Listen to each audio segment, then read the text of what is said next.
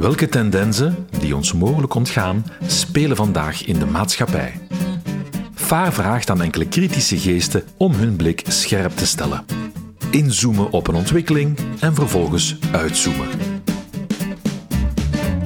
Het essay gaat over geloof in een moderne wereld en of daar nog plaats voor is.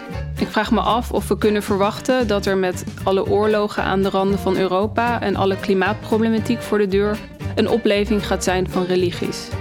Ik vermoed zelf van wel, want in moeilijke tijden richten mensen zich al gauw op de hemel voorraad. En het lijkt mij heel zinvol als we daar alvast op voorsorteren en kijken wat dat voor ons continent gaat betekenen. Dit is het essay van verrekijker Lieke Marsman. Het is een bekend Engels gezegde. There are no atheists in foxholes. In de loopgraven zijn er geen atheïsten.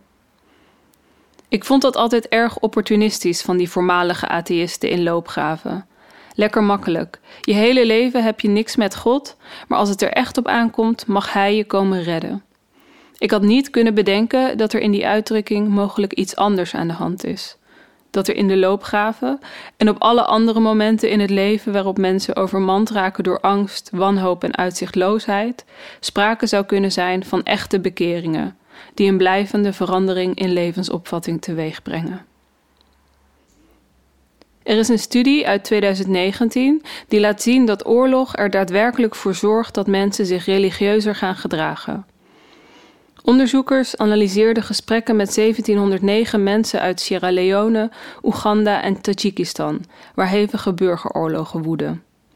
Uit hun data bleek dat hoe meer mensen direct door de oorlog in hun land geraakt werden, bijvoorbeeld doordat naaste familieleden vermoord werden, hoe groter de kans was dat ze zich bij een religieuze groepering aansloten. Hoe groter het verdriet, hoe groter de hang naar een goddelijke almacht. Het is een langdurig effect. Zelfs nadat de oorlog voorbij is, is men religieuzer. Dit geldt zowel voor moslims als voor christenen. Je zou kunnen denken: als je helemaal niets meer hebt, kun je altijd nog het gelijk van God aan je zijde hebben. Misschien sloot men zich aan bij een groepering om het gevoel te hebben er niet alleen voor te staan. Maar is er niet meer aan de hand? Stefan Paas, hoogleraar missiologie aan de Vrije Universiteit Amsterdam, geeft in zijn vorig jaar verschenen boek Vrede op Aarde handvatten om dat gegeven te kunnen begrijpen. Hij schrijft uitgebreid over het pietisme, de stroming binnen het christendom waarbinnen de persoonlijke, affectieve relatie tot God centraal staat. Het pietisme radicaliseert de individuele kant van het christendom zodanig dat uiteindelijk alles neerkomt op de ontzagwekkende en transformerende ontmoeting tussen het individu en God. Het is die ontmoeting die bij uitstek in de loopgraven plaatsvindt. In het pietisme wendt men zich niet tot God uit gewoonte, omdat je nu eenmaal in een geloofsgemeenschap bent geboren, niet uit sociale noodzaak, omdat je nu eenmaal een geloofgemeenschap nodig hebt, maar aan de relatie met God ligt één, soms enkele, levensveranderende gebeurtenis ten grondslag. Een moment van diep ongeluk waarna God zich aan het individu toont. In het pietistische bekeringsdrama zijn verschillende momenten te onderscheiden, schrijft Paas. In mijn kerkelijke stroming werden ze vaak samengevat als ellende, verlossing en dankbaarheid. Toen ik een aantal jaar geleden te horen kreeg dat ik uitgezaaide kanker had, kwam ik als het ware in mijn eigen persoonlijke loopgraaf terecht. Ik had nooit gedacht dat ik me op zo'n moment tot God zou richten, maar hoe dieper ik in een dal belandde, hoe vaker ik merkte dat mijn blik zich vanuit dat dal tot de hemel richtte. Niet uit opportunisme, maar uit bittere noodzaak. Ik begon christelijke filosofen te lezen, in de hoop dat zij me konden vertellen wat er in hemelsnaam met me aan de hand was. Waarom had ik het idee dat, hoewel ik nog nooit zoveel en zulk rauw verdriet had gekend, dit verdriet soms door een goddelijke hand werd beantwoord door in elk geval een deel ervan weg te nemen? Ik las het werk van de Franse filosofe en activiste Simone Weil, die het in haar boek Wachten op God heel mooi verwoordde. In het lijden en ongeluk zelf glanst de barmhartigheid van God. In het diepste, in het centrum van de ontroostbare smart, Als men met volhardende liefde tot in de diepte valt waar de ziel niet kan nalaten te roepen: Mijn God, waarom hebt gij mij verlaten? Als men op dat punt blijft zonder de liefde te verzaken, komt men tenslotte in aanraking met iets dat geen ongeluk meer is, ook geen vreugde, doch de zuivere, niet waarneembare wezensgrond waaraan de vreugde en lijden deel hebben. En in deze wezensgrond is de liefde van God zelf. Ik weet niet genoeg van soteriologie om te kunnen zeggen tot welke christelijke stroming wel precies behoort, maar dat doet er ook niet toe. Het doet er niet eens toe of de God die zich op zulke momenten toont een christelijke of een islamitische of gewoon een verder niet gedefinieerd esoterische is. Waar het mij om draait, is de algehele tendens dat men als antwoord op ongeluk een stap in de richting van God doet. In mijn bundel In mijn mand probeerde ik dit gevoel, noem het een pietistisch bekeringsdrama als je wil, voor het eerst onder woorden te brengen.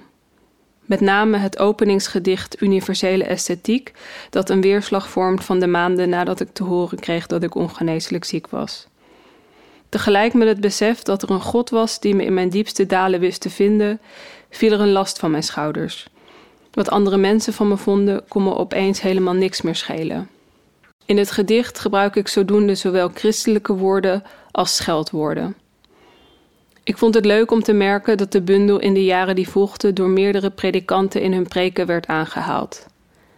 Een van hen stuurde me de viering toe waarin ze haar gedachten over de bundel deelde. Ze schreef: Ik vond het iets bevrijdends hebben, de woorden fuck en genade in dezelfde tekst. Maar het gaf ook ongemak. Het lijkt in eerste instantie niet samen te gaan. De woorden genade en barmhartigheid zijn van een totaal andere sfeer dan de woorden fuck en steek die maar in je hol. In het gedicht gebruik ik zodoende zowel christelijke woorden als scheldwoorden. Ik vond het leuk om te merken dat de bundel in de jaren die volgden door meerdere predikanten in hun preken werd aangehaald. Een van hen stuurde me de viering toe waarin ze haar gedachten over de bundel deelde. Ze schreef: Ik vond het iets bevrijdends hebben, de woorden fuck en genade in dezelfde tekst. Maar het gaf ook ongemak. Het lijkt in eerste instantie niet samen te gaan. De woorden genade en barmhartigheid zijn van een totaal andere sfeer dan de woorden fuck en steek die maar in je hol. Ik vind het interessant dat je wijst op het ogenschijnlijke contrast tussen genade en fuck in mijn gedicht, schreef ik terug. Ik heb daar niet bij stilgestaan. Voor mij pasten de twee heel natuurlijk bij elkaar. Zoals je schrijft, omdat de waarheid best benoemd mag worden. Maar ik zou nog iets verder willen gaan. Omdat een echt gemeend Godverdomme op een moment van echte zielennood door God wordt beantwoord. Het was een wonderbaarlijk besef voor mij dat achter de data van het onderzoek in Nature Human Behavior zulke geloofsverschuivingen ten grondslag liggen. Je wordt niet opeens wakker met zin om te bidden, er is een reden voor en die reden is doorvoeld. Er is een reden dat mensen door alle eeuwen heen, waar ook ter wereld, mystieke ervaringen hebben gehad.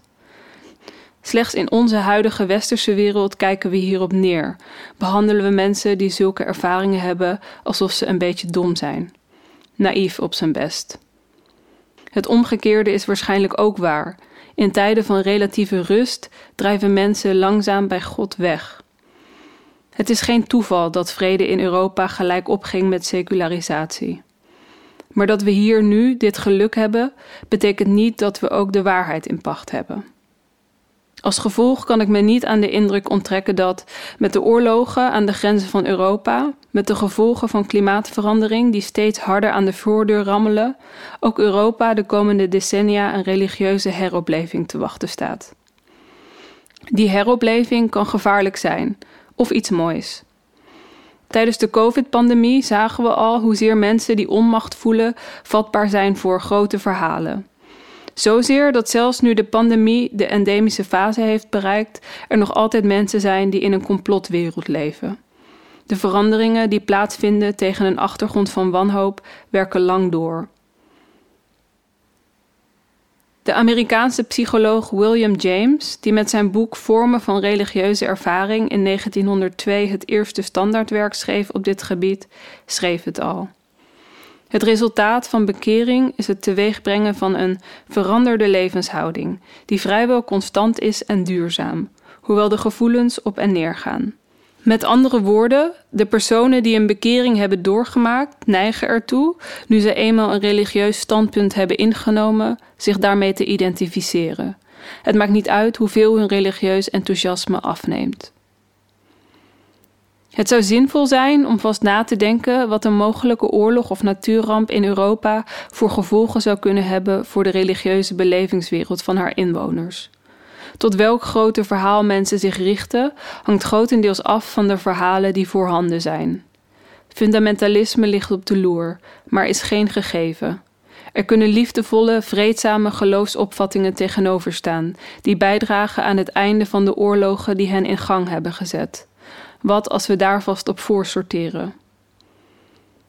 Voor mij staat inmiddels vast, hoe gehecht je ook bent aan je eigen rationele wereldopvatting en hoezeer je ook een atheïstische opvoeding hebt genoten, onder de hoge drukspuit van een naderende dood houdt je rationaliteit het niet lang uit.